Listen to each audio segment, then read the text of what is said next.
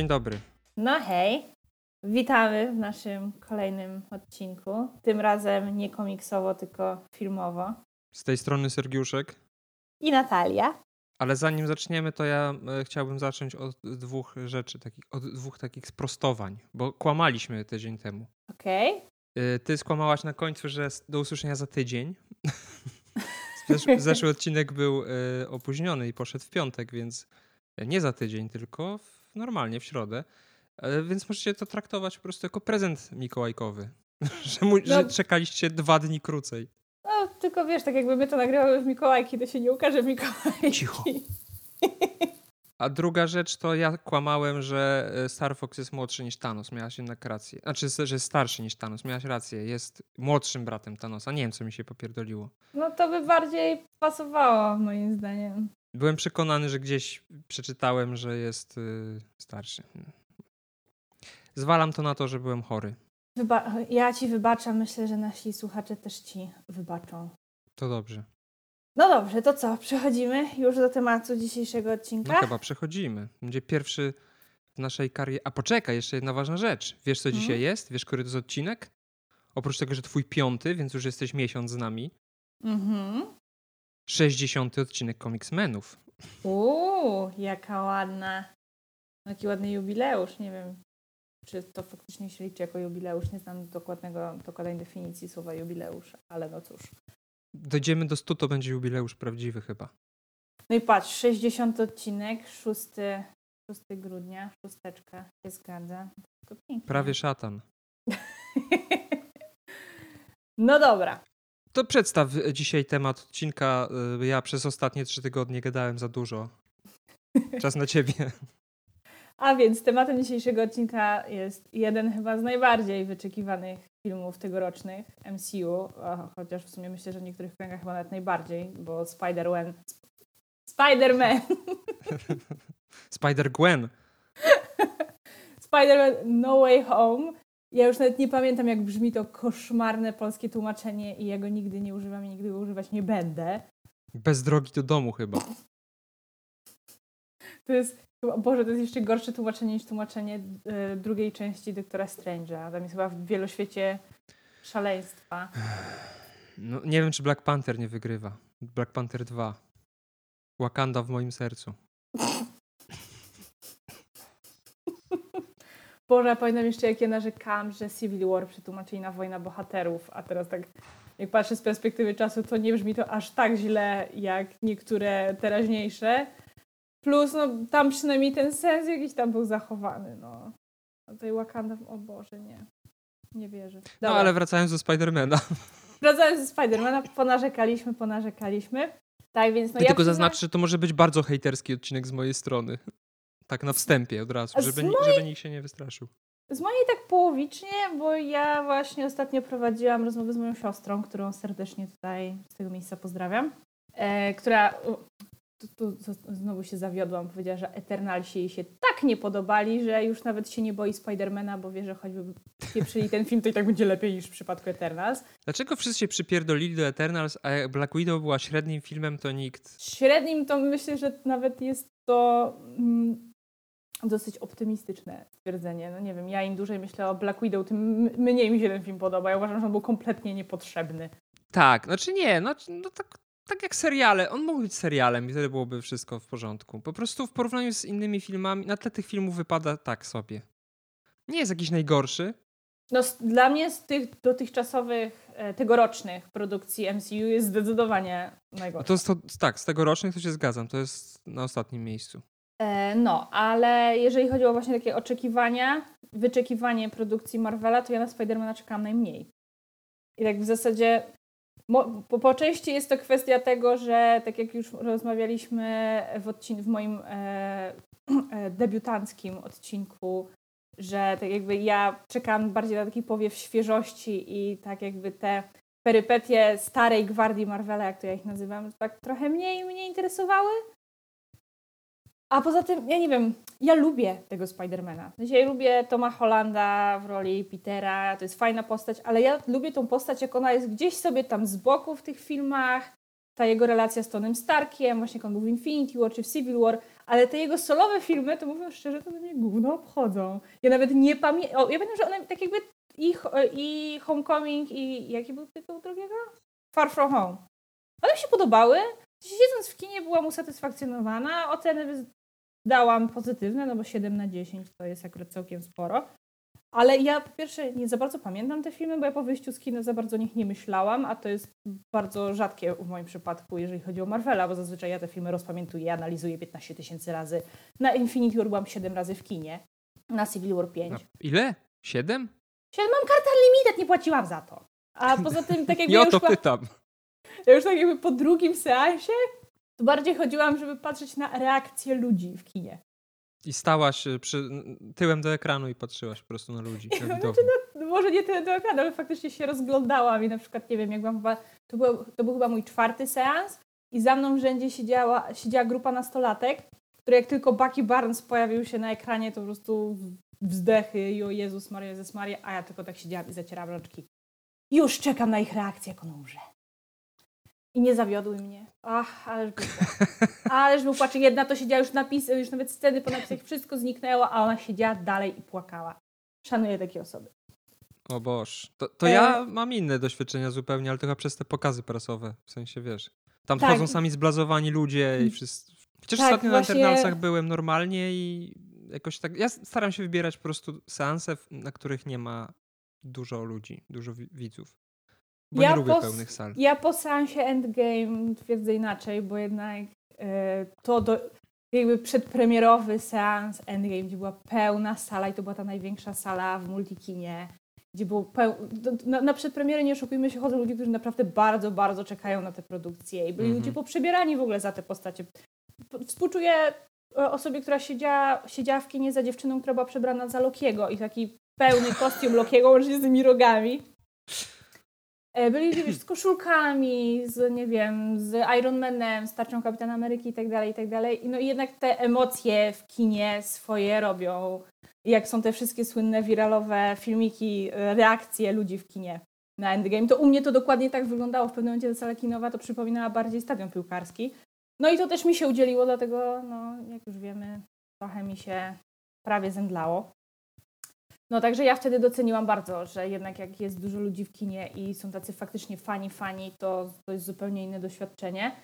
Ale na przykład yy, jak byliśmy z Kamilem na tym pokazie prasowym Eternals, to nie było tak sztywno, jak zazwyczaj bywa. Może dlatego, że więcej ludzi przyszło, bo też na tych pokazach to zawsze jest tam 30% sali max. A tutaj Może... było faktycznie naprawdę no dużo, mimo że to była ta gigantyczna sala w IMAXie. Bo być może nazwisko reżyserki przyciągnęło osoby, które zazwyczaj nie są zainteresowane tego typu rzeczami. To bardzo możliwe. Plus no, obsada też była taka. No tak, to prawda. Chyba najbardziej gwiazdorska obsada w filmach Marvela.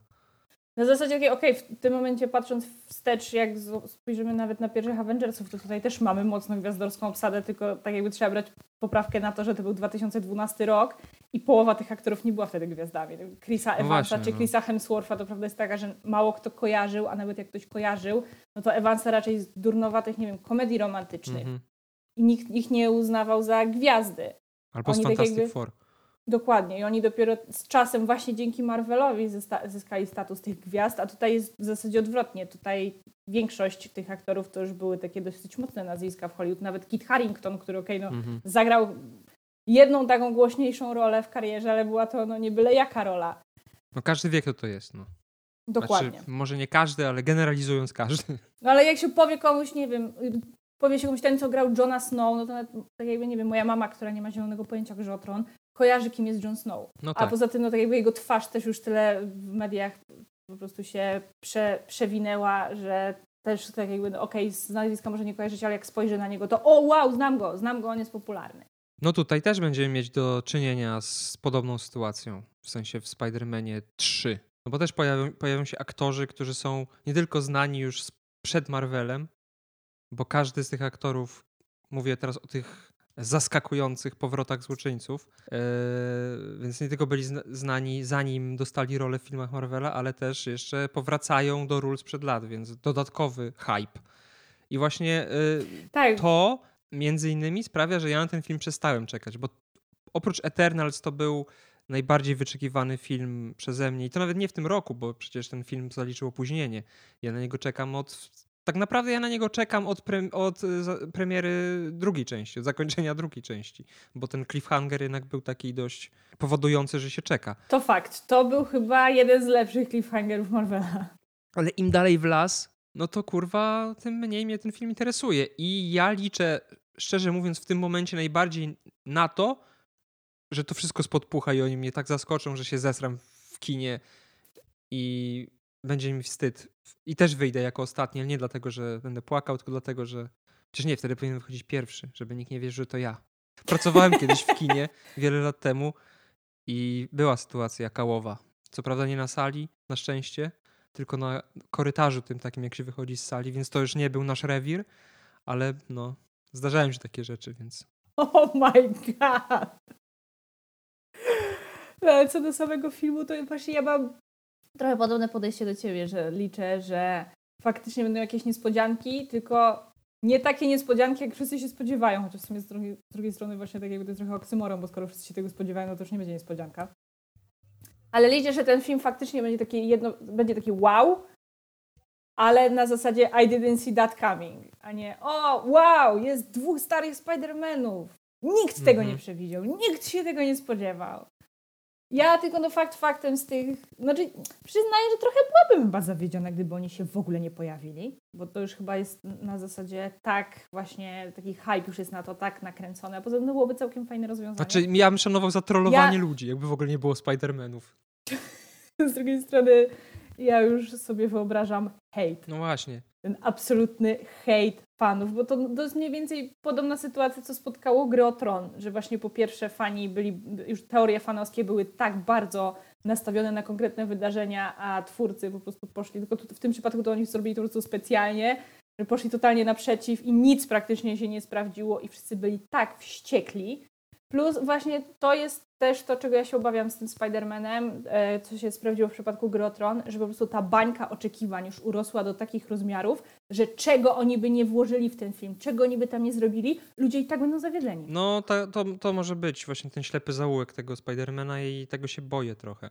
A czy z drugiej strony... Bo nawet jak oni nawet jak oni spełnią te wszystkie oczekiwania i tak jakby wszystkie te teorie fanowskie się gdzieś tam sprawdzą i tak dalej, te najpopularniejsze, to z drugiej strony właśnie osoby, które lubią być zaskakiwane, tak jak my, i nie lubią takich oczywistych rozwiązań, no to też będą niezadowolone. Znaczy, ja się boję, że ten film będzie zabity przez fanserwis, że to będzie tylko fanserwis i nic poza tym, że fabuła będzie jak w grze komputerowej A. pretekstem do tego, żeby pooglądać wybuchy i, i wiesz, pojechać trochę na nostalgii, no bo jest duża szansa, że tak się stanie, no bo to jednak jest Sony Pictures, a oni, jak y, przynajmniej ja się przekonałem na własnej skórze ostatnio, kilka tygodni temu, no nie umieją wykorzystać jego potencjału, który mają. No, Venom jest tego przykładem najlepszym.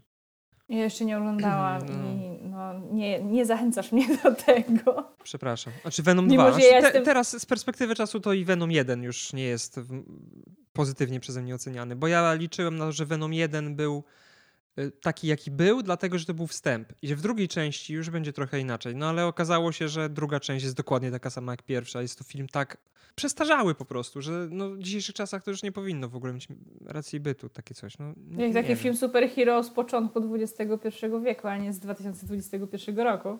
Tak, tak.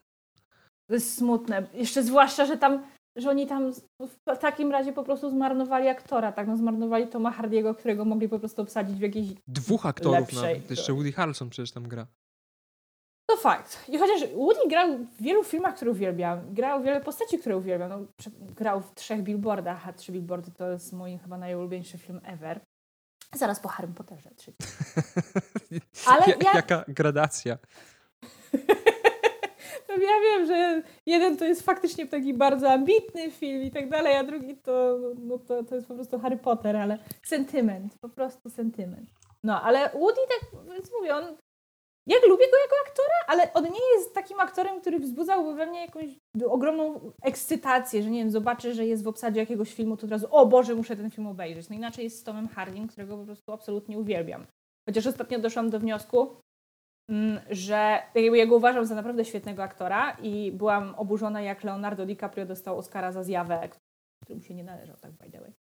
e, a e, Tom Hardy nie dostał wtedy, mimo że on totalnie przyćmił DiCaprio, to jednak jest różnica między Hardym a DiCaprio taka, że DiCaprio jest, on jest genialnym aktorem, tak? On zagra wszystko i wszystko zagra e, bardzo wiarygodnie. On jest w stanie dosłownie zmienić się w każdą postać, jaką gra i niezależnie od tego, jak te postacie by się od siebie nie różniły. A Tom Hardy, okej, okay, on jest świetnym aktorem, ale jednak to jest aktor taki ukierunkowany bardziej na konkretne role, mhm. bo ma taki bardzo, bardzo, ma taką bardzo specyficzną manierę aktorską, tak samo jak Tom Hiddleston, mhm. który gra mojego ukochanego Lokiego. On też no, nie do każdego filmu będzie się nadawał, bo jednak w każdej roli trochę tak zajeżdża swoim takim drama, dramatyzmem. No, ale bo się znowu oddaliliśmy od tematu naszego dzisiejszego odcinka. Tak, y, ja tylko jeszcze wracając do tego fanserwisu, to chcę zaznaczyć, że ja lubię ogólnie tego typu rzeczy. Jak na przykład. Fanserwis? Tak, ale jeżeli jest to z ja umiarem, dozowane tak. i jest to faktycznie w jakiś sensowny sposób wykorzystane. Czyli na przykład, nie wiem, tak jak miałaś, yy, nie wiem, Nicolasa Hammonda w tym, w Spider-Manie z 2002 roku, czyli typa, który w serialu z lat 70 grał Spidermana i on się pojawił jako epizodyczna postać jakiegoś tam policjanta czy strażaka yy, grał. Albo yy, jak się nazywał pan od serialu Incredible Hulk? Yy, Lou Ferrigno chyba? Nie I on też się pojawił w, w filmie z Nortonem. I oni po prostu tam byli, jakby hołd został złożony, no bo Amerykanie lubią, oni mają jakiś kurwa fetysz, żeby po prostu tych aktorów, jak są jakieś remake'i albo rebooty, żeby tych aktorów starych tam wcisnąć na hama. I czasami jest to bardzo, w bardzo taki prostacki sposób zrobione, czasami sensownie. No ale no, ten Spider-Man, który teraz niedługo trafi do kin, przeraża mnie tą nachalnością ty, te, tego, bo to nawet nie, to, bo tamte rzeczy to jest no i okej, okay, to jest fajne, to jest mrugnięcie oczkiem do fanów starych serii w pytkę.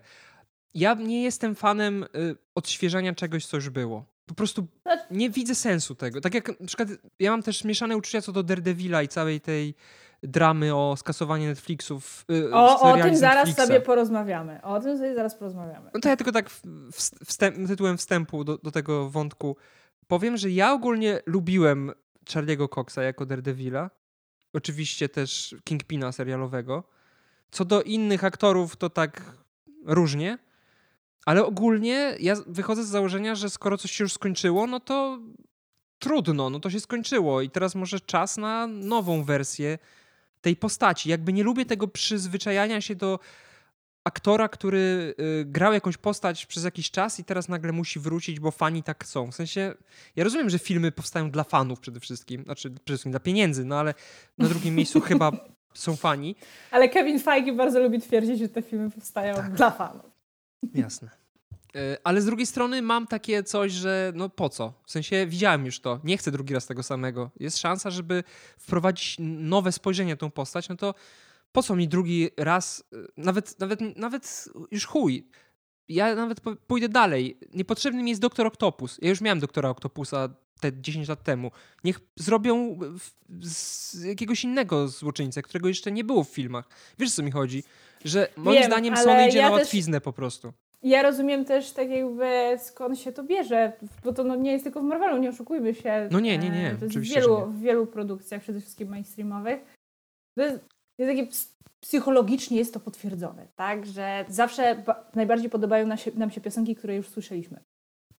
Po prostu, Nie, no jasne, jasne. bo tak jakby ludzie z założenia są dosyć sentymentalnymi istotami i fajnie jest jednak, jeżeli lubiliśmy jakiegoś aktora w jakiejś roli, to fajnie jest go znowu zobaczyć. I tak jakby, ale do, te, do tych seriali Netflixa to jeszcze przejdziemy. Jeszcze tak mhm. tak jakby chcę nawiązać do tego fanserwisu, o którym mówiłeś, bo ja mam bardzo podobne zdanie yy, jak ty. No, że tak, ja lubię fanserwis. Nie wiem, w Endgame to poza tą feministyczną sceną, o której już rozmawialiśmy w jednym odcinku, tam fanserwis był moim zdaniem idealnie, genialnie wpleciony. Nie wiem, scena Kapitana Ameryki, który mówi Hail Hydra. Co zresztą ja też traktuję jako nawiązanie do tego komiksu, w którym on tam mhm. No, no. no tak. E, I tak jakby, bo jest różnica, jest fanserwis i jest fanserwis, bo właśnie fa fanserwis jest fajny, jeżeli tak jakby ty oglądając, ty oglądając daną produkcję, tak jakby widzisz, że okej, okay, twórcy tworząc daną scenę stwierdzili, że o patrzcie, to jest super, to jest super okazja, żeby puścić oczko do fanów albo wpleść coś fajnego i tak dalej, i tak dalej. A jest też fanserwis na zasadzie budowanie, budowania całej sceny tylko po to, żeby mm -hmm. zrobić ten fanserwis. I to jest właśnie, właśnie ten... to, czego To jest to, czego ty się obawiasz w tym filmie. Tak, Że, że to będzie tak jakby, non-stop odniesienia do wszystkich poprzednich filmów Tak, że oni zbudowali w ogóle całą fabułę No Way Home tylko po to, tylko tak wo- wokół całego tego fanserwisu, że okej, to wwalmy to, tamto, siamto i dobudujmy do tego fabułę. No, boję się, że to tak właśnie będzie wyglądało. No i to jest, y, to jest słabe. A z Endgame było w sumie tak, że to też jest taki film. To jest paradoksalne, że to też był taki film, który tak naprawdę był jednym wielkim fanserwisem, ale to było tam uzasadnione, bo to był, było podsum- nie dość, że zwieńczenie tej całej historii dziesięcioletniej, to jeszcze podsumowanie tego całego, znaczy no, na jedno wychodzi to, co teraz mówię, ale wiesz, co mi chodzi. Tak, bo ja, ja zawsze powtarzam, że Infinity War i Endgame są dosyć specyficznymi filmami, bo one nie funkcjonują jako samodzielne byty. To jest po prostu finał sezonu. Tak, Tak jakby. Ja Tak. to zawsze porównuję, tak jakby do, właśnie do... Najbardziej lubię to porównywać do Gry o Tron, tak? Że Infinity War to jest taki dziewiąty odcinek Gry o Tron, gdzie zawsze się najwięcej dzieje, one są najbardziej emocjonalne i tak dalej. A Endgame to jest właśnie ten taki finał sezonu, w którym tak jakby domykamy trochę to, co było wcześniej, otwieramy jakieś tam furtki na przyszłość i jest tak bardziej trochę nostalgicznie i tak dalej. no i w takim przypadku jest to uzasadnione, no. No to jak najbardziej. Ale oni też to fajnie ograli, że jednak to nie było tak, że jest fanserwis i no jakoś to musimy tam dopiąć, to jakoś tam dopnijmy, tylko tak, żeby jak najwięcej fanserwisu tam wwalić. Tylko na zasadzie to jest widać, że oni mieli określoną wizję tego, jak oni chcą, żeby to się skończyło, jak to Mhm. endgame ma się potoczyć, a do tego, a teraz na, dowalmy tyle fanserwisu, ile się zmieści. No ale tam to jakby był tylko czynnik y, zaba zabawogenny. No, a tu, znaczy tutaj pewnie też będzie, no. Bo te Spider-Many poprzednie były bardzo funny, ale kurwa, no... Nie tego się spodziewałem po prostu po tym Spider-Manie, który jest moim ulubionym Spider-Manem filmowym. Czy ja, no ja tak jak mówiłam, ja nie oglądałam jeszcze e, poprzednich Spider-Manów, muszę to nadrobić. Znaczy Amazing Jest- oglądałaś, tak? Wiesz co, ja tam oglądałam go urywkami. Bardziej to jest Mhm. kwestia tego, że ja jestem fanką łzawych filmików na YouTubie Aha, i okej. tam bardzo często są stawiane właśnie urywki oczywiście z tej słynnej sceny z Gwen, ona się Gwen miała na imię, tak? Gwen Stacy, tak. Dokładnie. No ja sobie wczoraj powtórzyłem, bo w sumie tak się cieszyłem, że o, trzy, trzy y, dość wymagające ode mnie odcinki się skończyły. Y, nie będę musiał się przygotowywać do następnego odcinka, ale oczywiście nie mógłbym być sobą, gdybym nie postanowił troszkę się przygotować i obejrzałem sobie, bo i tak miałem to zrobić, ale obejrzałem sobie pierwszą część Spidermana z 2002 roku. No i trochę się męczyłem, no. W sensie już pomijam to, że ten film się zestarzał, no bo to jest oczywiste. Miał prawo. Y, ale no. mm, Nie. To nie jest dobry film. W sensie, jak na tamte czasy może spełniało to jakieś oczekiwania, ale no, jak ja miałem te 12, czy tam, nie wiem, ile miałem wtedy lat, z 12 chyba, i poszedłem to do kina, to spodziewałem się czego innego zupełnie. Powiem Ci tak, za każdym razem, kiedy ktoś... Ja nie chcę tu, broń Boże, atakować e, filmów o Spidermanach, żeby nasi odbiorcy mnie nie zjedli później żywcem. E, Ja za każdym razem, jak słyszę, że ktoś tłumaczy jakiś film, czy superbohaterski, czy jakikolwiek film, który wymagał jednak CGI, czy jakichkolwiek innych efektów specjalnych i właśnie broni tego filmu na zasadzie, ale pamiętaj, że to był tam, nie wiem, 2000 rok, czy 2002 rok, więc on ma prawo wyglądać źle teraz.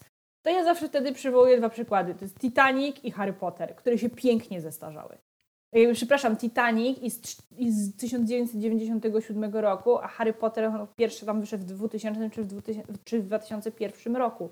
A te filmy mają naprawdę świetne efekty specjalne i one są naprawdę świetnie zrealizowane, więc sorry. No jest wiele starszych filmów, się. które też przeczą tej, y, temu argumentowi. No tutaj no niby Gwiezdne Wojny też się nasuwają, ale Gwiezdne Wojny jednak one miały te swoje No, efekty. tak, tak, tak. A prequele też, no prequele z kolei nie świadczą zbyt dobrze. Ale mi nawet nie chodzi o same efekty specjalne, mi też chodzi o w ogóle to, jak ci ludzie grają, jaki mają stosunek w ogóle do tych ról, bo mam wrażenie, że teraz jednak, mimo wszystko, szczególnie w MCU to widać dobrze, że ci aktorzy się jakby zżyli z tymi postaciami, oni je rozumieją i chcą je zrozumieć przede wszystkim, a często jest tak, że są też fanami tych postaci siłą rzeczy, bo nie wiem, są trochę młodsi niż na przykład Tobey Maguire, chociaż akurat to nie ma nic do rzeczy, bo Spider-Man jest postacią starą taką, że nasi dziadkowie mogliby przy dobrych wiatrach e, czytać jego przygody. No ale wiesz, o co mi chodzi. Jakby in, inny jest trochę, w innym świecie trochę żyli. A tamci aktorzy no, odpierdalali swoje, dostawali kasę i cześć. Ja nie widzę tam w ogóle włożonego serca w te postacie. Czyli ty po prostu Oni nie wiedzą, nie, co robią. Nie trochę. widzisz Petera Parkera, tylko widzisz, Tak. nie wiem, e, Andrew Garfielda, tak? Tak, Grającego. znaczy w tym filmie akurat nie, w tym filmie to akurat było to lepiej jakoś zrobione, ale ten oryginalny Spider-Man, ta trylogia, jej nie, nie lubię bardzo. Tak samo nie lubię oryginalnych X-Men, tych pierwszych trzech części. Uważam, że są kurwa straszne te filmy. I to Ja są w takie właśnie nie filmy, jak, y, jak kiedyś się X-Menów. filmy robiło, czyli mamy y, nośną markę, zarobimy na tym pieniądze, bo będziemy sprzedawać zabawki i dzieci pójdą do kina, więc fabuła nie jest istotna. Niech będą wybuchy i durnowate stroje, wszystko będzie ok. Najgorsze w tym Spider-Man z 2002 jest to, że trzonem tego filmu fabularnym jest kurwa wątek miłosny. Coś, czego nienawidzę w tego typu rzeczach, jeżeli nie są faktycznie w jakiś sposób sensowne. Znaczy ja w ogóle zawsze miałam problem z wątkami miłosnymi w filmach superbohaterskich. Większość tych par w MCU mnie odrzucała. Dobra, po co marnujecie mi czas ekranowy? No, na przykład wątek Steve'a i Peggy to o tym moglibyśmy nagrać do, dodatkowy odcinek, to jak oni spieprzyli Wątki na, miłosne? że tak na odchodne i tak spieprzyli tego Steve'a Rogersa. Tak, to nie jest mój Kapitan Ameryka. Mój Kapitan Ameryka by w życiu nie zrobił tego, co, co zrobił Steve w Endgame. Jedyne chyba pary, które jakoś tam, może na tyle, nie tyle, nie tyle mnie bardzo przekonywa, przekonywały, że faktycznie z wypiekami na twarzy śledziłam ich losy, ale nie mierziły mnie, to był Tony i Pepper, bo mimo, że po, tak naprawdę no, poświęcono dosyć sporo czasu ich relacji, ale ta ich relacja, ona nie była, ona była po coś. Ona bardzo dużo wnosiła do rozwoju postaci Tonego Starka. Znaczy, moim zdaniem to większość tych wątków y, miłosnych w MCU jest po coś i w jakiś sposób nie dość, że mówi coś o postaciach, to jeszcze właśnie albo je rozbudowuje, albo w jakiś tam sposób, nie wiem, Nie wiem, dla mnie, one, dookreśla. dla mnie one zazwyczaj były po prostu zbędne.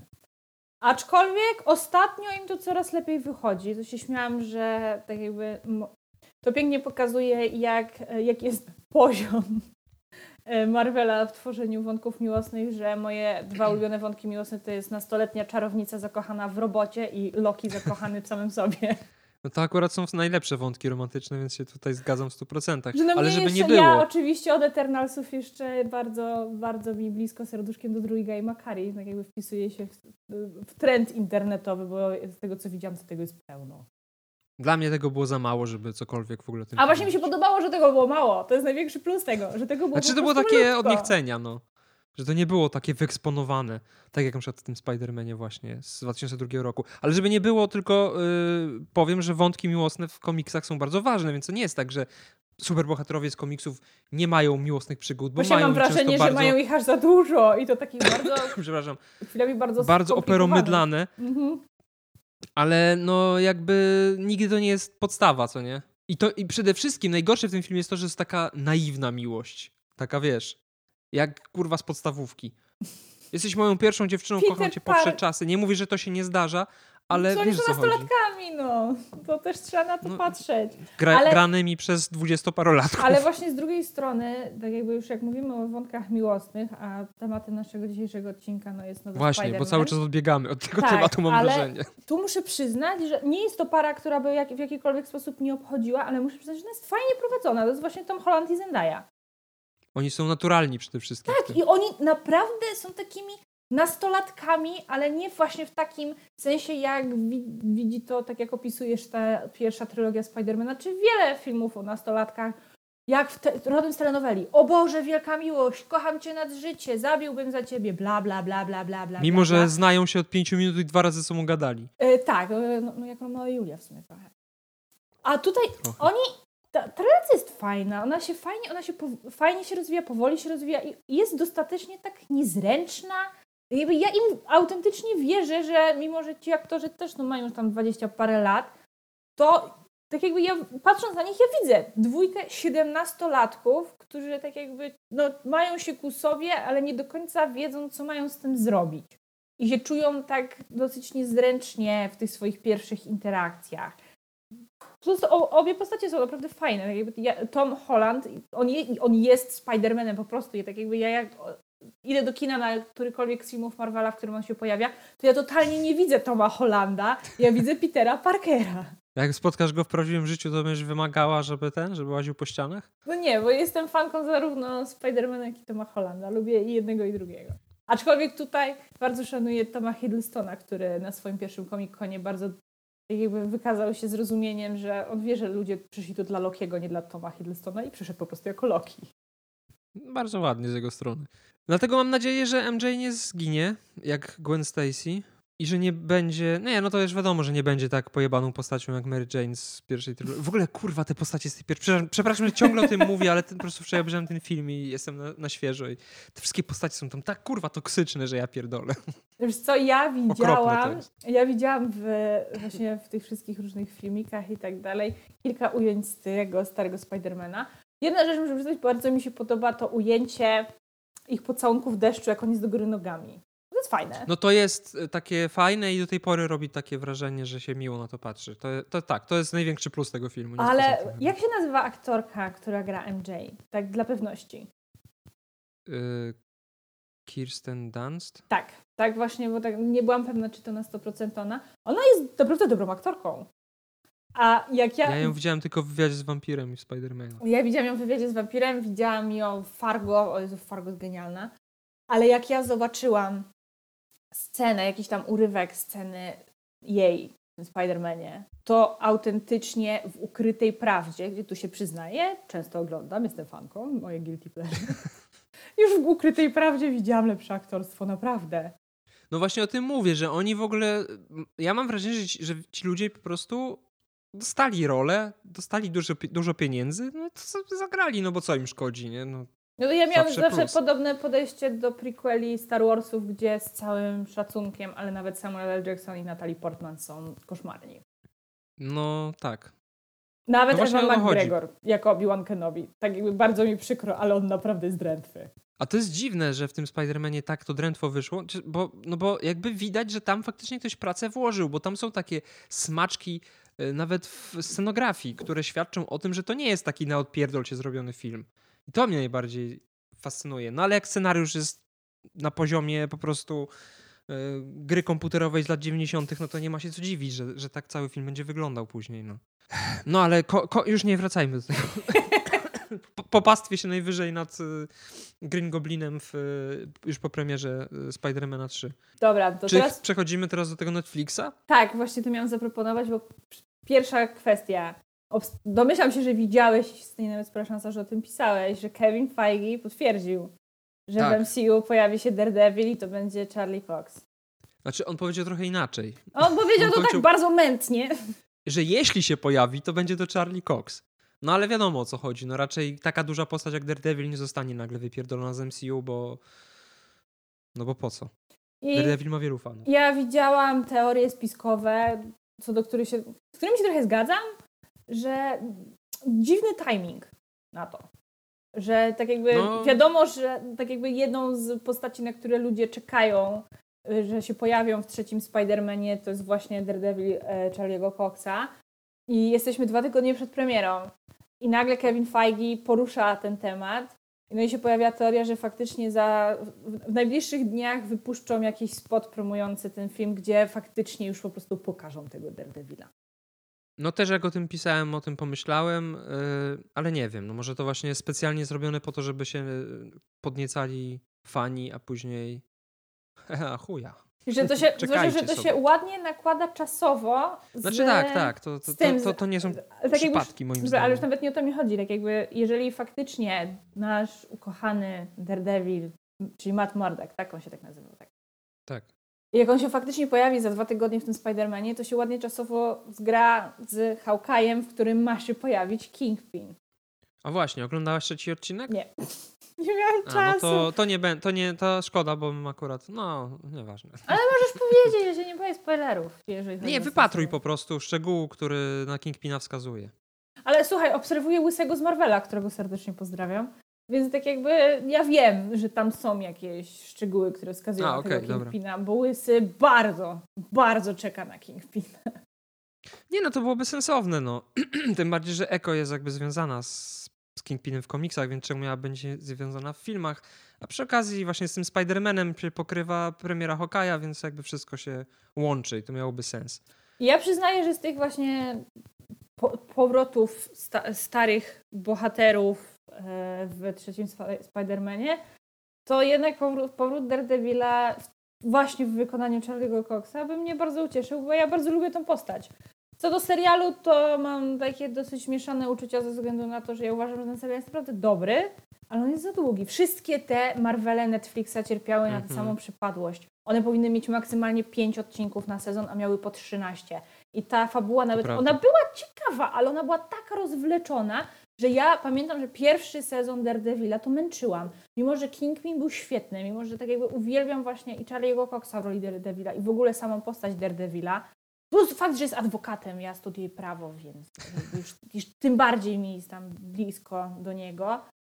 To już no nie wytrzymie. No drugi sezon był genialny, bo się pojawił Punisher i też na powrót Punishera i to właśnie w wykonaniu Johna Bernhala, czy jak to się tam wymawia to jego nazwisko.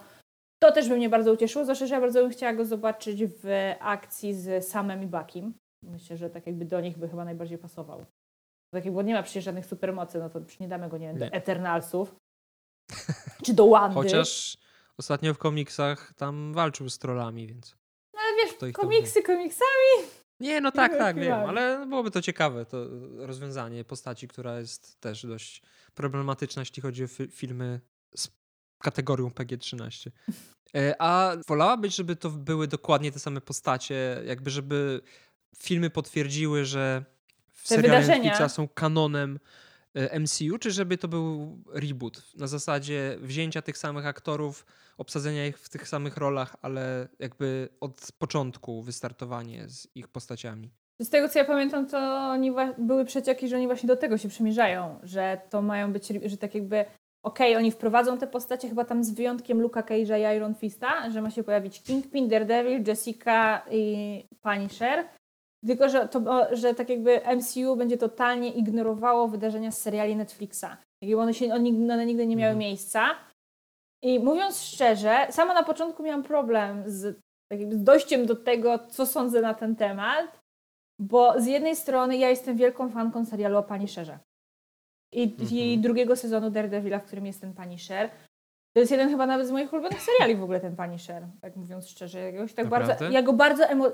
Wiesz, że ja lubię przeżywać, ja lubię sobie płakać no na tak, serialach tak, i tak. filmach, ja lubię się zaangażować emocjonalnie, a tutaj ja się mocno zaangażowałam. On jest fajny psychologicznie ten serial. I był ten, przecież ten najlepszy przyjaciel, a później największy wróg Punishera, czyli mhm. Billy Russo, którego grał mój ukochany Ben Barnes. Uważam, że był, o Boże, był genialny w tej roli, był idealny do tej roli. I z jednej strony właśnie ten serial był świetny, ale z drugiej, tak jakby, ja się, to był jedyny chyba serial Netflixa z tych, które lubiłam, a lubiłam w sumie tylko Jessica. No i Daredevila, tak? Jessica, Daredevila i Punishera. Mhm. I tak jak Jessica później już tam kulała, ale ja wierzyłam, że coś tam jeszcze można byłoby z tego wycisnąć. Z Daredevilem podobnie. Tak, Punisher mi się podobał od samego początku do samego końca, ale to był jedyny przypadek, w którym ja się naprawdę ucieszyłam, że oni ten serial skasowali. Bo mhm. tak jakby ja nie, wi nie widziałam przyszłości siebie jako fanki tego serialu z ewentualnym trzecim sezonem, ze względu na to, jak się ten drugi sezon zakończył. Tak jakby okej, okay, wszyscy lubimy Franka Carlsa, jest fajną, fajną, ciekawą postacią i tak dalej, i tak dalej, ale ja nie uznaję ludzi, którzy nie odróżniają zemsty od sprawiedliwości i takich że człowiek od razu chodzi, no, no, na tym polega ta postać, tak, w sumie, że on chodził i zabijał ludzi, tylko że tych złych ludzi. Ale no nie chcę spoilerować, jak ktoś jeszcze nie oglądał tego No ja nie oglądałem, ale, ale zakończenie, jakoś tak się zabrać nie mogę. Zakończenie jest takie, że tak okej, okay, Frank, ja cię wciąż uwielbiam. I ja rozumiem, dlaczego zrobiłeś, co zrobiłeś, ale zrobiłeś to w taki sposób, że ja nie byłabym w stanie dalej z nim sympatyzować, nie byłabym w stanie mu kibicować w następnym sezonie. I z tego względu, tak jakby, okej, okay, to było świetne zakończenie moim zdaniem i dla tej postaci, i dla całego wątku i tak dalej, ale z tego względu wolałabym jednak, żeby oni zignorowali te seriale. Że okej, okay, mhm. jest sobie tam na tym Netflixie ten Punisher, do którego jak ja sobie będę chciała, to sobie będę mogła wrócić, ale ten Punisher w MCU to niech, okej, okay, niech gra go John, bo John jest genialny w tej roli. I to też jednak będzie działało, że będziemy o wiele bardziej lubić automatycznie tego Punishera, bo jednak to będzie aktor, którego już znaliśmy w tej roli, a on ma naprawdę wielu fanów, nie oszukujmy się. Ale jednak to nie będzie ten sam Frank. Tylko wydaje mi się, że to może być dosyć problematyczne, jak e, oni faktycznie wpletliby te postacie, totalnie ignorując dotychczasowe wydarzenia. Ludzie mie- mogliby mieć taki trochę jednak dysonans poznawczy. Że nie No wiem, tak. oczekiwaliby od postaci jakiegoś konkretnego zachowania, bo, no bo tak się zachowała wcześniej w serialu. Wiesz Ale o z drugiej mi strony chodzi? było jasne powiedzia jasno powiedziane w jakiś sposób, że to nie jest ta sama postać. Słuchaj, ale ja rozumiem, aktor. że można coś jasno powiedzieć, ale to nie zawsze działa. Tak jakby mówię, ja ogląda, ja po obejrzeniu Gry o Tron to, to doskonale pamiętam i jak ludziom naprawdę się mieszało, co było i w książkach, i w serialu, a co było tylko w książkach. I faktycznie na przykład przy, przy ósmym sezonie ludzie byli wściekli, że się nie spełniła jakaś przepowiednia. Ona akurat dotyczyła tego, że Cersei zabije jej bliźniaczy brat. Bo ona dostała kiedyś przepowiednię, że zabije ją jej młodszy brat. Tej przepowiedni nie ma w ogóle w serialu, ona była tylko w książkach. Ale ludzie totalnie tego nie ogarniali. Była przepowiednia, to była, dlaczego się z tego nie wywiązali? No, nie mieli takiego obowiązku, bo to w ogóle nie było poruszone. Nie wiem, na ile Gra o Tron y, jest wierna książce, bo No ja to swoją przygodę z książką Gra, Gra o Tron, czy tam, jak się nazywa? Pieśń pier- lodu i ognia. gra, pier, a pierwsza część? gra o, tron, gra o Tron to jest e, pierwszy tom. No, no to ja z Grą o Tron miałem po 30 stronach, się pożegnałem. Y, no i tam już w sumie było dużo takich rzeczy, które moim zdaniem było wiele ciekawsze niż w serialu, no ale rozumiem, że serial to nie jest... Znaczy powiem Ci tak, pierwsze adaptacja dwa... nie polega na przeniesieniu jeden do jeden, nie? Znaczy to też, czy to jest faktycznie adaptacja, tak jakby jak oni fajnie, ładnie to nazywają w czołówce, Właśnie, to na czy to motywach. jest To jest na motywach pieśni lodu i ognia, tak? Że tak Czyli oni... bardziej adaptacja, no bo ekranizacja jest niby tą wierniejszą wersją przeniesienia czegoś na z jednego medium do drugiego medium, a adaptacja to jest, że możesz sobie właśnie bazować na jakichś pomysłach skądś tam, tak jak Forrest Gump jest na przykład adaptacją. Mhm. W ogóle nie ma to nic wspólnego z książką, poza pewnymi takimi głównymi y, szczegółami dotyczącymi postaci, ale cała fabuła wygląda zupełnie inaczej w książce niż w Powiem filmie. Ci tak, Grze o Tron, jeżeli chodzi o właśnie tam adaptację, czy ekranizację, czy jak to tam nazwać, jest znacznie bliżej do Marvela niż na przykład do Harry'ego Pottera, gdzie Harry Potter jest w zasadzie przeniesieniem książek na Mhm. ekran, tylko z okrojeniem po prostu wielu wydarzeń. Tak, Jasne. no, z Grą o Tron to jest tak na zasadzie takiej, że dwa pierwsze sezony to one są faktycznie całkiem wiernie zekranizowane dwa pierwsze tomy. Trzeci i czwarty sezon to już jest tak różnie, a później już jest totalny rozjazd. Tak absolutnie totalny rozjazd. I tak jakby to jest dwa, ja bym to nazwał dwoma oddzielnymi uniwersami. Że mamy uniwersum książek i mamy uniwersum serialu, ze względu na to, że jest wiele postaci, które w serialu są skrajnie różne od swoich książkowych pierwowzorów. No, To właśnie tak mi się wydawało, dlatego Jamie dziwię się, że Lannister ktoś czy mógł... Jon Snow. Jon Snow wcale nie jest krystalicznym superbohaterem w książkach. Jest Dlatego dziwi mnie, że ktoś mógł pomylić po prostu wydarzenia z książki z wydarzeniami z Bo serialu, chodzi o to, no bo- że tak jakby to nie, to nie jest tak, że one są już w pewnym momencie absolutnie odrębne. Czyli tak jakby, okej, Mhm. fabuła potoczyła się w zupełnie inną stronę, wiele postaci jest zupełnie innych, ale niektóre elementy są zawarte. I na przykład Mhm. tutaj chodzi o to, że z tą no, nawet przepowiednią, ta przepowiednia była dosyć długa, bo ona tam się odnosiła do tego, że Cersei umrą wszystkie jej dzieci. Ja zawsze jak komuś składam życzenia, to tak, tak żeby wszystkie twoje marzenia spełniły się tak, jak przepowiednia Cersei, że umrą wszystkie dzieci. Tam, że będzie królową i tak dalej, i tak dalej. I na koniec było, że właśnie zostanie zabita przez swojego młodszego brata. I ostatecznie w serialu wylądowała okrojona wersja, że ona faktycznie dostała tą przepowiednię, że te dzieci jej poumierają, że, że będzie królową i tak dalej. I tutaj to zostało ucięte. I po prostu nie zostało wspomniane o tym, o tej jej śmierci i tak dalej. Więc jak jakby to się trochę pokrywało, ale jednak się Aha, rozjeżdżało. dobra. Czyli była ta przepowiednia, bo ja zrozumiałem, że tej przepowiedni w ogóle w serialu nie, nie, było, nie było tego kluczowego elementu, Okej, do dobra, którego dobra. ludzie się przyjebali po prostu. Czaję.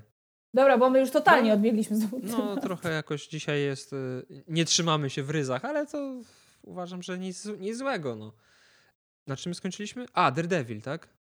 Tak, w sensie, czy te postacie powinny tylko powiem, że ja bym wolał- same, czy Ja bym wolał właśnie tą opcję reboot. To jest najbardziej... totalny? Tak, to jest najbardziej y, według mnie właściwe. Też z tego powodu, żeby nie było burdelu, bo ja nie lubię jak jest syf, a moim zdaniem rozdrabnianie MCU na jakieś y, twory poza y, tym, nad czym czuwa Kevin Feige jest kompletnie z dupy. I tak było z agentami S.H.I.E.L.D.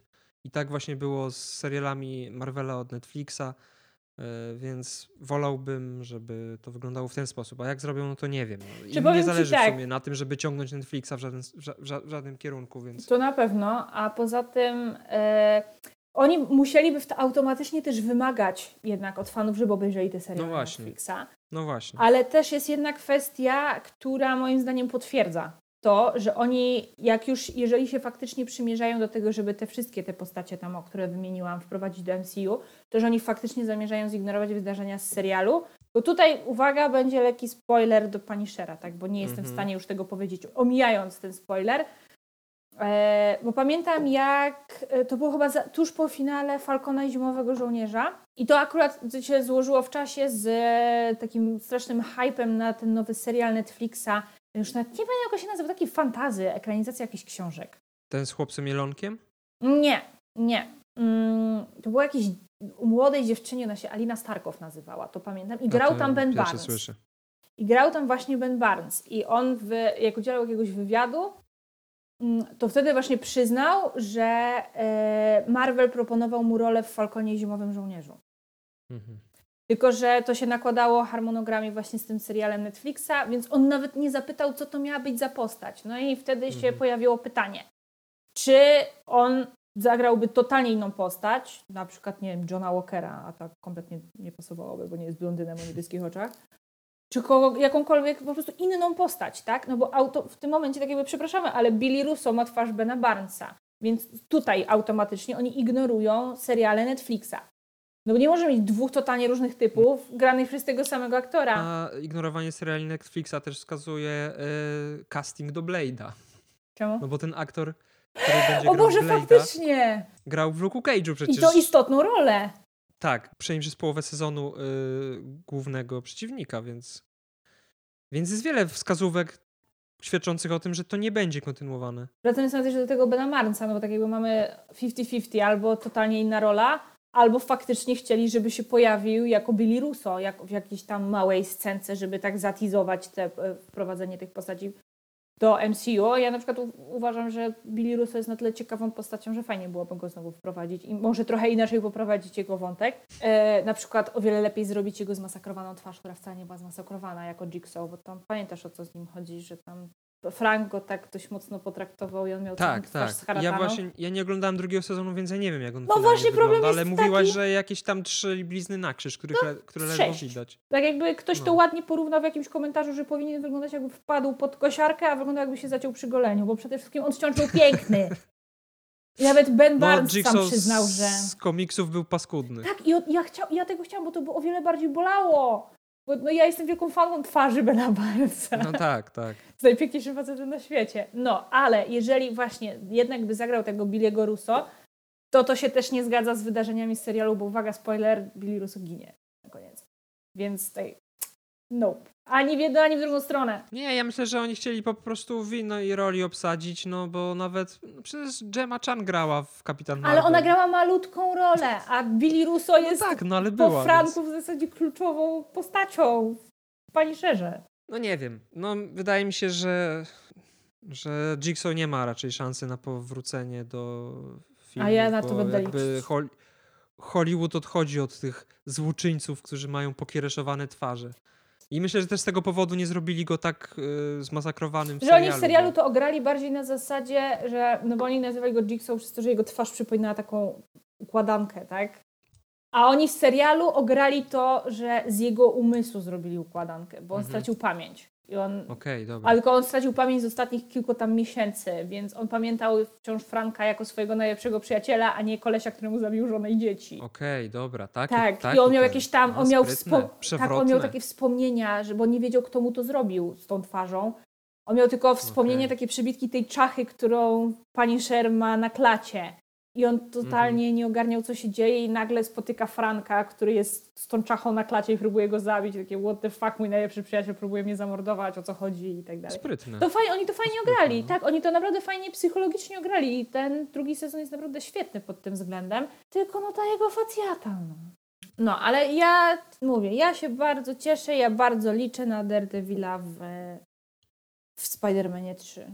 Zwłaszcza, że Nie, no to byłoby To zajebiste, tym bardziej, że She-Hulk zaraz, Tak, po, zaraz, więc on zaraz mógłby się pojawia, pojawić, on mógłby się pojawić w She-Hulk. Tutaj on też ma naprawdę świetne pole do popisu w tym filmie. To, to ma sens, żeby on się pojawił, chociaż z drugiej strony równie dobrze mogą nas właśnie strollować, no bo tak jakby no, Peter Parker potrzebuje prawnika. No, nawet jest tam jakiś Tak, prawnik w a- tym zwiastunie. je- I gdyby właśnie tam. nie ten zwiastun, to jeszcze można byłoby się skłaniać ku temu, że jednak nas trochę zaskoczą i no pojawi się obrońca Petera Parkera, tylko że to będzie She-Hulk, a nie Daredevil. To też byłoby fajne. Coś miałem mówić, zapomniałem. A propos Daredevila? A, no nieważne. Jak zapomniałem, to chyba nieistotne. Czy ty masz jakieś teorie e, takie osobiste na temat fabuły Spider-Man No Way Home? Że takie osobiste, na które sama wpadłam?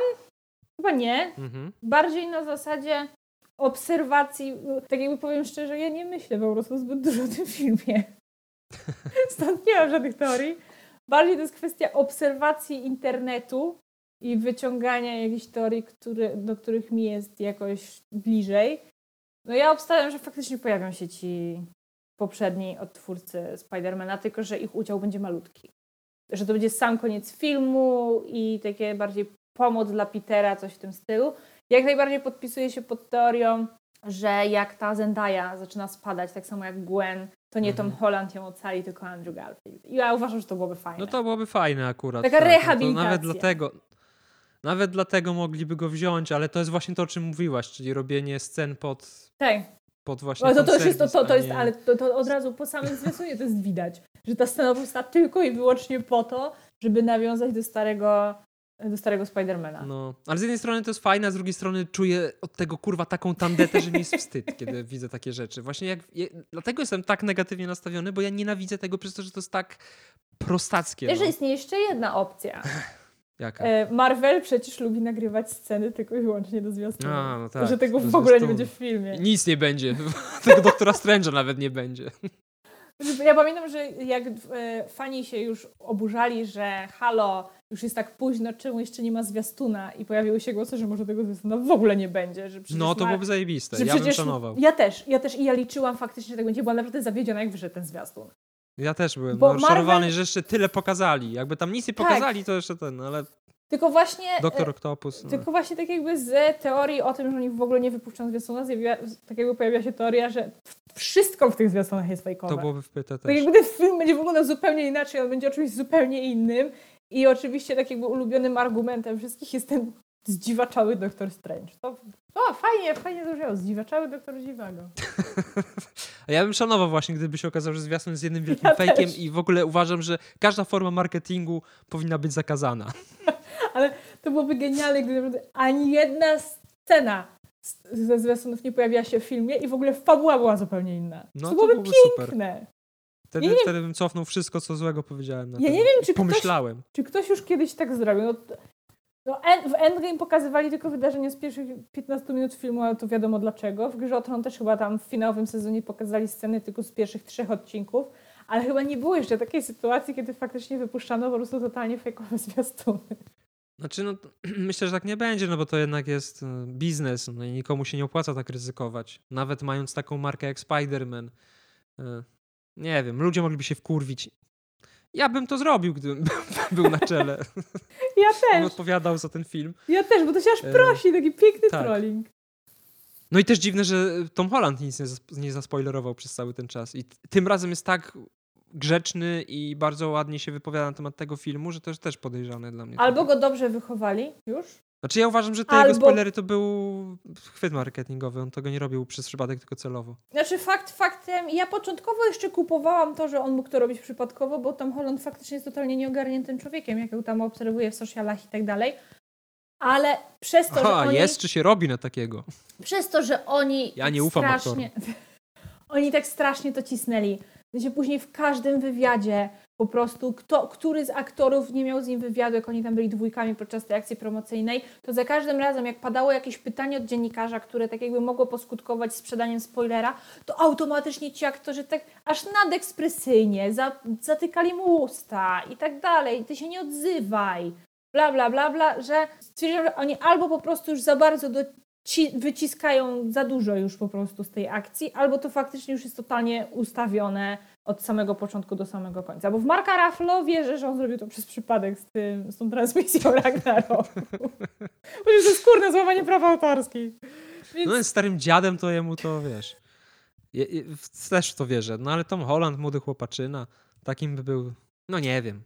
Ja go nigdy w życiu chyba poza wywiadami z MCU nie widziałem w prywatnej sytuacji, więc kompletnie nie wiem, jaki Ja tam jest. jak, jakieś te transmisje na żywo na Instagramie. Na przykład moja ulubiona to jak e, stwierdził, że zrobi quiz. Dam, no, nie pamiętam Na temat jaki tam... czego? No na temat Marvela. Ja nie pamiętam A, jak, okej. co, na co, oni chyba na coś zbierali tam pieniądze, już nie pamiętam szczegółów, no ale ogólnie miał sobie takie, miał takie karteczki, takie fiszki, gdzie miał zapisane pytania, no i będzie zadawał pytanie i każdy tam ma jakoś tam odpowiadać i tak dalej. Tylko nie ogarnął, że za każdym razem jak on brał tą fiszkę i tak przykładał do kamery, z tyłu była napisana prawidłowa. I on to tak prowadził, prowadził, prowadził i w końcu tam, no parę osób mu tam napisało po prostu w tych komentarzach pod tą relację, no jakby stary, my widzimy odpowiedzi. Ja on po chwili dopiero, ja, okej, dobra, wiecie co, to jutro zrobimy nową edycję bez odpowiedzi. Szkoda, że nie ma Konrada, opowiedziałby historię o tym, jak na jednych zajęciach stary dziad, profesor y, historii sztuki, pokazywał slajdy i on miał ogólnie pogardliwy stosunek do studentów i uważał wszystkich za debili, którzy nic nie wiedzą. I pokazywał te slajdy z podpisami i się pytał, co to jest. No, wiecie, co to jest za obraz? I tam było podpisane jak byk, ale wszyscy byli na tyle zażenowani sytuacją, że nikt nie wykorzystał tej przewagi nad tym dziadem, więc udawali, że nie wiedzą, no bo to jakby jest trochę... więc zdarza się najlepszym, chociaż nie wiem, czy on był najlepszy. A jak już rozmawiamy, jak już mówimy o wykładowcach, to podzielę się moją ukochaną anegdotką ze studiów. Jak e, u nas profesor jeden e, przyszedł, mieliśmy mieć egzamin pisemny, test, gdzie tak jakby każdy wiadomo, to był taki mało istotny przedmiot, ja to zawsze nazywam główno przedmiotami. I takie, które w zasadzie w życiu to ci się do niczego nie przydadzą. I Ja na no, takie nie chodziłem. Wykładowca doskonale zdawał sobie z tego sprawę. E, I tak jakby, no, że zaliczenie było testem, na teście zawsze można postrzelać. No i przyszedł właśnie wykładowca spóźniony na egzamin i mówi, że no bardzo mu przykro, ale właśnie stoczył zażartą walkę z kserokopiarką i niestety tą walkę przegrał, więc jest za mało testów. Wyjdźcie. Nie, że kilka osób musi się poświęcić i odpowiadać ustnie. Ale O. jakby wiesz, jak jesteś nieprzygotowany, no to na teście zawsze coś wystrzelasz albo coś tam, nie wiem, wydedukujesz, a tak jakby odpowiedź ustna to już zupełnie inna para kaloszy. No i pan wykładowca stwierdził, że no nie chce być wrednym, wiadomo, i wybierać po prostu z listy, więc byłby wdzięczny, gdyby to kilka osób się po prostu zgłosiło. No i tam parę osób się faktycznie zgłosiło, że no dobra, poświęcimy się dla, dla reszty, tak? I nie zdali. ustnie. Nie no, zdali, zdali wszyscy i oni, o ile, dobrze, o ile dobrze ja to pamiętam, oni tak jakby już odpowiadali po prostu na wyższą ocenę, tylko mieli zagwarantowane zaliczenie. Ze względu na to, bo tutaj właśnie przywołał historię, to mnie bardzo zdziwiło. No wiesz, no studia prawnicze, wszyscy sztywni, wiadomo, to jeszcze był pierwszy rok, więc każdy Przestrach. tak, każdy zestresowany, każdy z kijem w tyłku. A tu nagle e, pan wykładowca tak, mam do was pytanie. Znacie historię Kapitana Ameryki? Tak, tak, co ma Kapitan Ameryka do naszego egzaminu? Właśnie powiedział, czy wiecie, jak Steve Rogers został Kapitanem Ameryką? I tutaj właśnie przywołał tą scenę z pierwszego kapa, jak Tommy Lee Jones rzuca ten granat. I Steve się rzuca na ten granat. Tak poświęca się dla reszty. Tak Steve Rogers poświęcił się dla pozostałych i został za to nagrodzony, bo został Kapitanem Ameryką. No to tym, którzy się zgłosili i tym samym poświęcili się dla reszty grupy, też się należy nagroda, więc macie zaliczone, możecie tylko walczyć po prostu o wyższą ocenę. Jeszcze dodał, Kapitan Ameryka byłby z was dumny. To było piękne. Boże, jak szanuję. tak, Podejrzewam, że u mnie, u mnie wykładowcy nawet by nie wiedzieli, co to jest Kapitan Ameryka. to było strasznie smutne. Ja pisałem y, magisterkę z y, powieści graficznej i jestem przekonany, że mój promotor przez jakieś, nie wiem, ile się pisze magisterkę? Półtora roku? Rok. Masz rok, Rok? akademicki na to. To myślę, że z, z pół roku, jak nie więcej. Ja tam co prawda się w terminie wyrobiłem, więc sobie później obroniłem pracę. To ja myślę, że tak ponad pół roku był przekonany, że powieść graficzna to jest jakaś odmiana literatury. I nie wiedział, na co się pisze, kiedy się zgodził na ten temat. Więc u mnie raczej takich rzeczy nie było. To ws- y, współczuję, chciałem powiedzieć. To zazdroszczę. Y, Ale y, znowu odeszliśmy z tematu. Ja tylko powiem, że ja mam dwie takie teorie. Nie wiem, czy one są y, w obiegu, czy nie, bo jakby nikt mnie fa fanowskie teorie nie interesują i większość poznaje w ramach pracy, bo są tak popularne, że po prostu portale o nich piszą, więc te, też się na nie powołuję. pierwsza moja teoria to w ogóle było zanim jakiekolwiek były materiały promocyjne filmu, była taka, że ten Alfred Molina i Jamie Foxx są wzięci tylko po to, żeby właśnie napędzić ten cały hype na, tych stare, na te stare Spider-Many, a tak naprawdę się okaże na przykład, że oni wystąpią jako ci złoczyńcy y, Spidermana, ale to na przykład będzie film kręcony, bo Spider-Man stał się takim fenomenem popkulturowym w MCU, że oni po prostu stwierdzili, że będą jakieś tworzyć fikcyjne historie o Spider-Manie. I oni Ej, tam to byłoby gdzieś, dobre. wiesz, trochę tak jak w Torze Ragnarok, w, to, w Torze Ragnarok był ten, e, było przedstawienie, e, O Loki. gdzie grał brat e, Chrisa Hemswortha i Sam Neill się nazywa ten aktor z Jurassic Park? Tak, no i Matt Damon. A, i Matt Damon, właśnie, Matt Damon. Człowiek, który wygląda jak co drugi człowiek na ziemi. Ale E, oni wrócą. W sensie znowu będzie Tak, tak, tak, wiem, wiem. Będzie nawet Hela. E, I druga moja teoria jest po, z tym doktorem Strange'em już taka, że ten doktor Strange dlatego jest taki dziwny, że cała ta historia się będzie działa po prostu w jakimś innym wymiarze i Spider-Man nie będzie tego świadomy do końca. I to nie jest ten doktor Strange, którego my znamy. A, właśnie, bo ja zresztą miałam cię zapytać właśnie, co sądzisz na temat tego Strange'a. No ja widziałam też teorię, że to jest skról po prostu i że to będzie takie trochę już wprowadzenie No. do Secret Invasion. No ale co, umie sens. czarować? Ja tam nie wiem, ja się nie znam na skróla. No. Ty mi powiedz. W komiksach chciały przejąć władzę nad magią, ale czy potrafią czarować, to nie, nie wiem. No z tym No wiadomo, na pewno coś jest nie tak. A, no tak, Mephisto. Ciekawe jestem, czy oni Albo w końcu... wiem, Hmm? spełni się mój ulubiony scenariusz. Okaże się, że cały film to tylko sen. O Boże. Na końcu Peter Parker sam mówi, o kurwa, ale miałem sen. Ja, ja się wciąż cieszę, że J.K. Rowling nie zrobiła tego z Harrym Potterem, bo to byłoby zniszczenia dzieciństwa tylu ludziom. No ja trochę liczyłem. Serio? Czytałem takie teorie, że, że to jest choroba psychiczna i że, że ostatni rozdział to będzie Harry Potter siedzi smutny w zakładzie dla obłąkanych, skuty tamtym, To znaczy... jak się nazywa? Ta koszula, co się zakłada w drugą stronę. E, skafander bezpieczeństwa. E, no. Kaftan, kaftan kaftan, bezpieczeństwa. Siedzi, płacze i dostaje leki. Znaczy to tak jakby z psychologicznego punktu widzenia to miałoby sens, żeby to wszystko było wytworem wyobraźni Harego. Ale ja się o wiele bardziej sk- skłaniam ku teorii, że Harry Potter, cała ta seria książek, to nie jest, są książki fantazy, tylko to jest biografia, a że my jesteśmy mugolami, to po prostu Rita Skeeter i jako przy, przyjęła sobie e, pseudonim artystyczny J.K. Rowling i wydała to u nas jako, jako powieść fantazy. To tego nie słyszałem. A słyszałeś o tym, że podobno J.K. Rowling zmarła e, po trzeciej części i pozostałe części pisze jej ja to, sobowtór? su- tak, ale ja, ja słyszałam też, że ona w ogóle nigdy nie istniała. Szekspir też nie. I wiele innych osób. Ach. No dobra, to nie wiem, czy coś jeszcze? Tak myślę, myślę, bo na pewno jest coś, co musimy... ja jestem nieprzygotowany, tak jak mówiłem. Zrobiłem sobie urlop z racji chorób licznych przez ostatnie dwa tygodnie. W ogóle to ten, e, za, zaktualizowałem chipy. Polecam. Tylko nie róbcie tego, jak jesteście chorzy, bo okazuje się, że choroba e, z domieszką e, szczepionki powoduje, że jest się bardziej chorym. Asia ci to dzisiaj bardzo ładnie wytłumaczyła, że s- prawda. jak organizm walczy już z jednym wirusem, to nie dopierdalajcie mu następnego. Bo No ja nie, myślałem, będzie, że nie będzie jest- zadowolony. Bez różnicy, no to jak, jak jesteś brudny, to nie można być już bardziej brudnym w pewnym momencie, no. Więc Można myślałem, że z chorobą jest tak samo. No wiem, no jak wpadniesz do szamba, no to jak na ciebie nasika, to już można traktować jako formę czyszczenia, a nie zabrudzenia. A może musi na ciebie nasrać jeszcze i to już nie jest No, ale jak już jesteś pokryty gównem, no to... Dzisiaj widzę, wątek fekalny jest silny.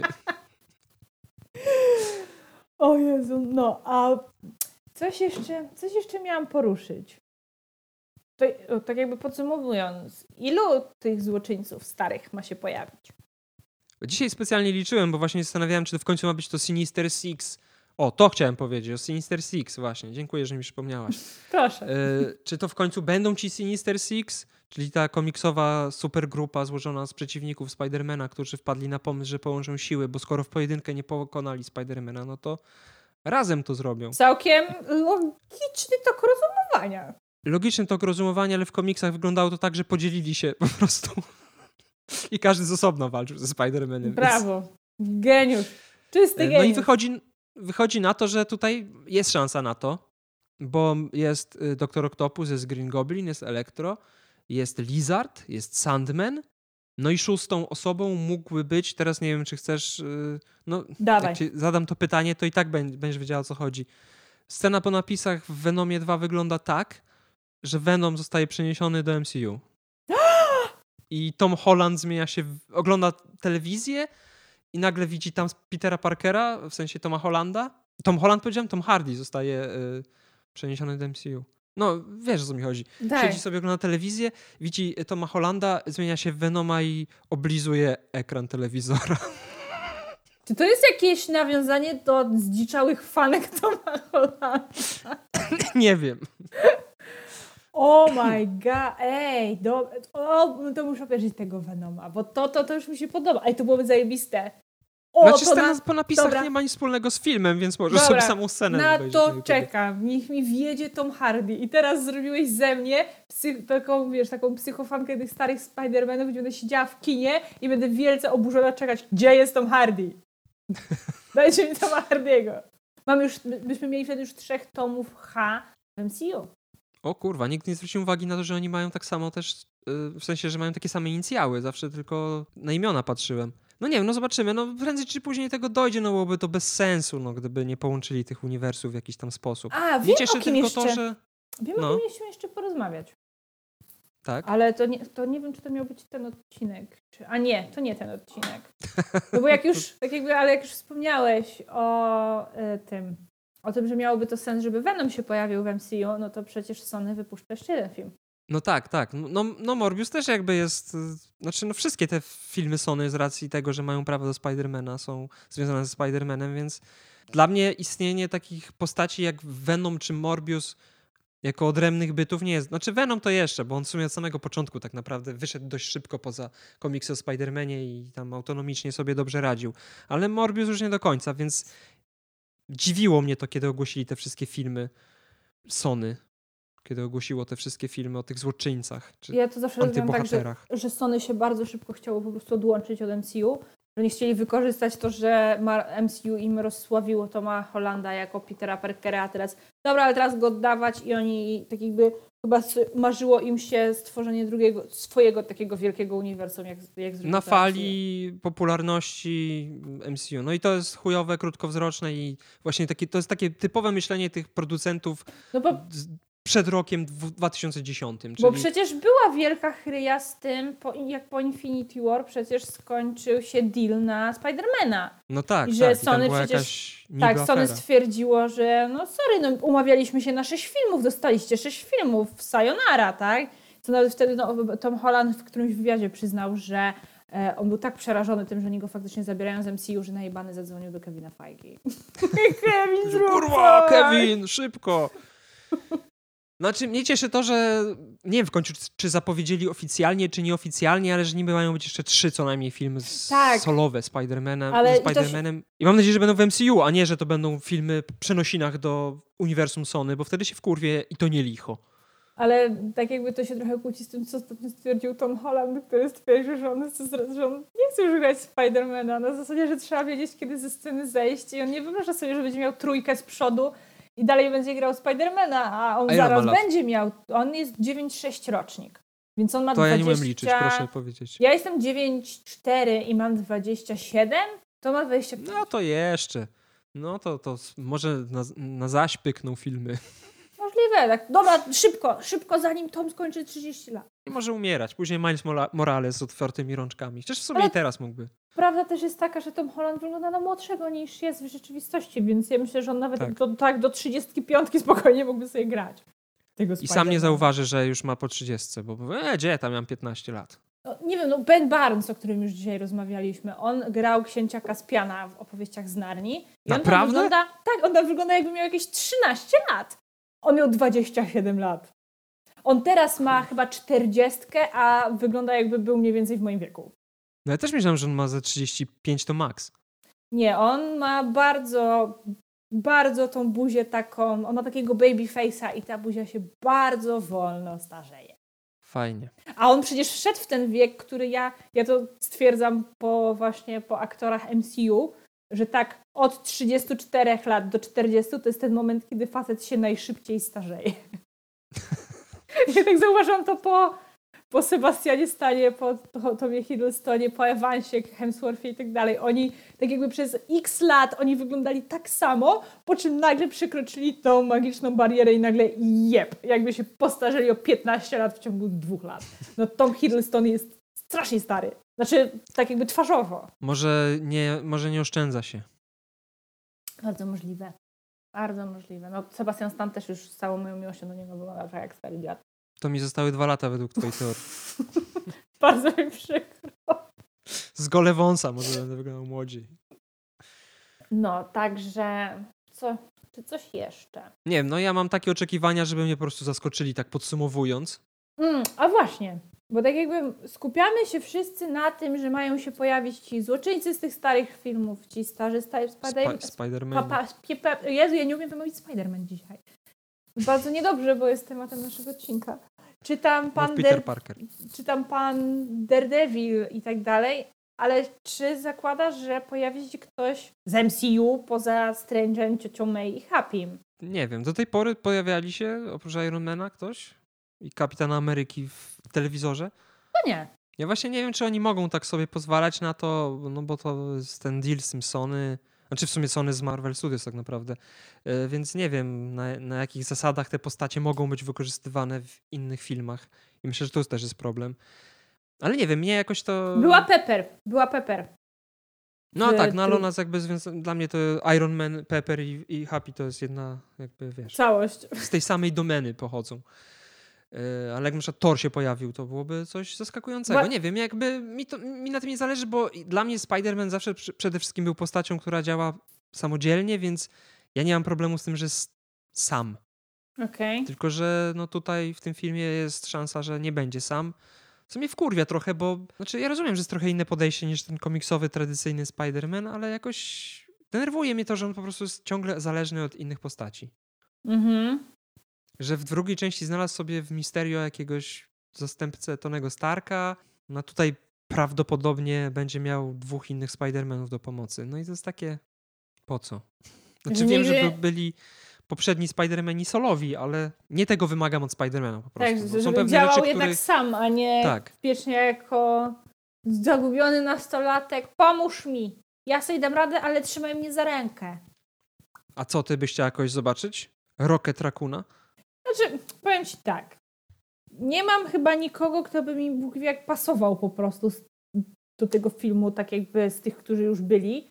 Na zasadzie, jeżeli zamiast Daredevila daliby nam She-Hulk, no to wtedy no, Bruce Banner miałby sens, moim zdaniem. Mhm. A tak to w sumie przez Wonga mogliby tak na chwilę pokazać Shang-Chi i tą jego kumpelę, ona tam Katie chyba się nazywa, tak, co ją akurat mhm. nagrała. Ale to też byłoby takie z dupy i w sumie na co to komu. Więc Pytanie, kiedy dzieje się ten film? To też jest dosyć istotna kwestia. Znaczy, no, chyba ostatnio była o tym mowa, ale jakoś nie zarejestrowałem. Yy, to się dzieje chyba dosyć późno. Na pewno się dzieje po WandaVision. No tak. To było chyba doprecyzowane? Albo bardziej na zasadzie, że taka teoria krąży, ale nie pamiętam szczerze powiedziawszy. Ja tylko pamiętam, że któraś z produkcji dzieje się dużo, a to chyba Hawkeye się dzieje dużo po Endgame. Mm, chyba że minął, tak, że minęło już faktycznie dosyć sporo czasu. Bo tam Musieli jakoś wytłumaczyć y, wzrost. Jak się mówi? Rozwój? Nie, jak się mówi? Dorośnięcie dzieci? A, faktycznie, Boże, czy te dzieciaki były takie... No bo ten, ten śmieszny dzieciak, co wygląda jak z rodzinki.pl, no to przecież on się urodził dopiero wczoraj, pod koniec czasu no tak. I ta ciekawostka się nazywa Nataliel Pietro Bartan. Mm. Dostał drugie imię po człowieku, któremu Hawkeye zawdzięcza życie. Do tej pory, kurwa, nie mogę im tego wybaczyć, już śmierci i tego Quicksilvera. Nie byłoby tak wspaniałego serialu. A w WandaVision nie byłoby tak pięknego wątku. Ja wiem, ja wiem, że on musiał umrzeć, żeby Wanda, żeby, żeby Wandzie siadło na łeb, ale no, ja go tak lubiłam. I zmarnowali mnie... aktor nie pasował tej roli, że on był taki klocowaty. Przestań, przestań. Z rozmawiasz chudziutki. Rozmawiasz z fanką Arona Johnsona. Oglądasz Kikasa? Nie, ale muszę. Przeczytaj komiks lepiej, lepiej na tym wyjdziesz. Ale, no i w sumie wracając do tego, o czym rozmawialiśmy, nie mam jakiejś takiej postaci z MCU, która by mi pasowała jakoś wybitnie, żeby się tu pojawić, ani żebym jakoś faktycznie chciała. Jakby już miała się pojawić jakaś postać z MCU, no to ja ostatnio niestety mój mózg się trochę zapętlił I tak jakby ja, ja jestem zwolenniczką wpychania Star Foxa wszędzie, gdzie się da. Więc spokojnie, niech, niech się tu pojawi. Tak autentycznie. Ja, jak dla mnie on mógłby w tym momencie po, tak jakby randomowo się pojawiać w każdym filmie, chociażby na chwilę. Byle się pojawiał. No. Więc to, to tyle ode mnie. Ale to teraz mi przez tego Star Foxa przyszło do głowy yy, coś. Deadpool. O kurwa. Faktycznie. Deadpool i Spider-Man przecież to jest... Ej, i to by miał sens. I jaka byłaby niespodzianka? No. I to, te, wtedy Deadpool mógłby sobie pożartować z tego, że jest tak napierdolony tych wszystkich postaci tak. z innych filmów i to byłoby tak. idealne. Że to jest jeden wielki fanserwis i tak, Boże, to byłoby genialne i ludzie by się zesrali. No nie oszukujmy się, ludzie by się zesrali ze szczęścia. No ja bym się zesrał. Więc musiałbym wyjść nie oglądając scen po napisach. Kurde, ale mnie teraz nakręciłeś jeszcze bardziej. No jeszcze niecałe dwa tygodnie do premiery. Zobaczymy, co się sprawdzi za dwa tygodnie. No ja idę 19. Idę 19. Ja jeszcze nie kupiłem biletu. Ja już właśnie dzisiaj e... kupiłam. Z Kamilem idziemy razem, już się umówiliśmy. Także będzie, będzie ciekawie. Zobaczymy, co powiemy za dwa tygodnie. Tak, za dwa tygodnie. No kurno, naprawdę jestem ciekawa teraz tego filmu. Nakręciłeś mnie jeszcze bardziej. No, ale zobacz, jak pięknie działają na mnie odcinki z tobą. Tak samo Star Foxa wcześniej lubiłam, no bo lubiłam, bo mnie zaciekawił, ale po tym odcinku, który nagraliśmy o nim, to ja mam pierdolca na jego punkcie. Cały dom wytapetowany w plakaty z Harrym Stylesem w stroju Star Foxa. O, owszem, tak jakby moja miłość do Harry'ego Stylesa też automatycznie wzrosła, no bo będzie grał Star Foxa. Nie, I tak jakby, jak już mówiłam, Lubię, i to po prostu to nie jest tak, że ja lubię małych chłopców, tylko lubię facetów, którzy wyglądają jak mali chłopcy. To chciałam sprostować, to co powiedziałam w pierwszym odcinku. Żebyście mnie nie mieli za degeneratkę skończoną. Nikt chyba nie zauważył. Bo nikt nie Mam nadzieję. Ale nie no, ogólnie Star Fox jako postać ta komiksowa jest absolutnie przegenialny moim zdaniem i ja mam nadzieję, że oni jeszcze bardziej, że nie tylko wiernie go oddadzą na ekranie, co jeszcze trochę bardziej docisną. To byłoby genialne. No dobra, to ja na koniec mam jeszcze pytanie do ciebie, bo e, powiedziałeś, że zrobisz research na temat y, planetoidy i czegoś tam, księżyca. Zrobiłaś? Właśnie mnie przyłapałeś na nieodrobieniu pracy domowej. no, sama się do tego zgłosiłaś. Ja, ja, ja, ja chciałem tą pracę domową zadać naszym fanom. Jeżeli jesteście fanami astrologii, to astronomii, co ja pierdolę, to y, napiszcie nam, bo jesteśmy niedoedukowani i nie wiemy podstawowych rzeczy na temat ciał niebieskich. Dokładnie. Kopernik nie byłby dumny. Jak zwykle zapraszamy na wszystkie nasze media społecznościowe, nie media społecznościowe. Możecie pisać nawet maila, bo też mamy. Dzielcie się swoimi teoriami i oczekiwaniami co do trzeciego Spidermana. Tak, piszcie w komciach i słuchajcie nas też w różnych platformach podcastowych. Czy na, na Spotify się obserwuje? Co się robi? Subskrybuje? Obs tak, tak, jest, masz opcję subskrypcji czy tam obserwowania to róbcie to na Spotify, y, na YouTubie subskrybujcie i te wszystkie różne dziwne rzeczy, które mówią ludzie z internetu. które mi przez usta nie przejdą. A na to ja wiem, że na YouTubie też możecie sobie kliknąć ten dzwoneczek, który będzie wam wysyłał powiadomienia, jak się będą pojawiać nowe odcinki. No. To też zróbcie. Boże, poczułam się jak youtuberka, influencerka. No właśnie, tak dlatego ja, ja, nie mogę. zawsze, zawsze jest najbardziej problematyczna część odcinka. No, także wiecie, co macie robić, no. Nie każcie nam tego mówić. Żegnamy się. 60. odcinek Comicsmenów. Czekajcie na 61. Będzie też trochę jubileuszowy, ale to już w przyszłym tygodniu. No. Pozdro 60. Buziaczki, papa.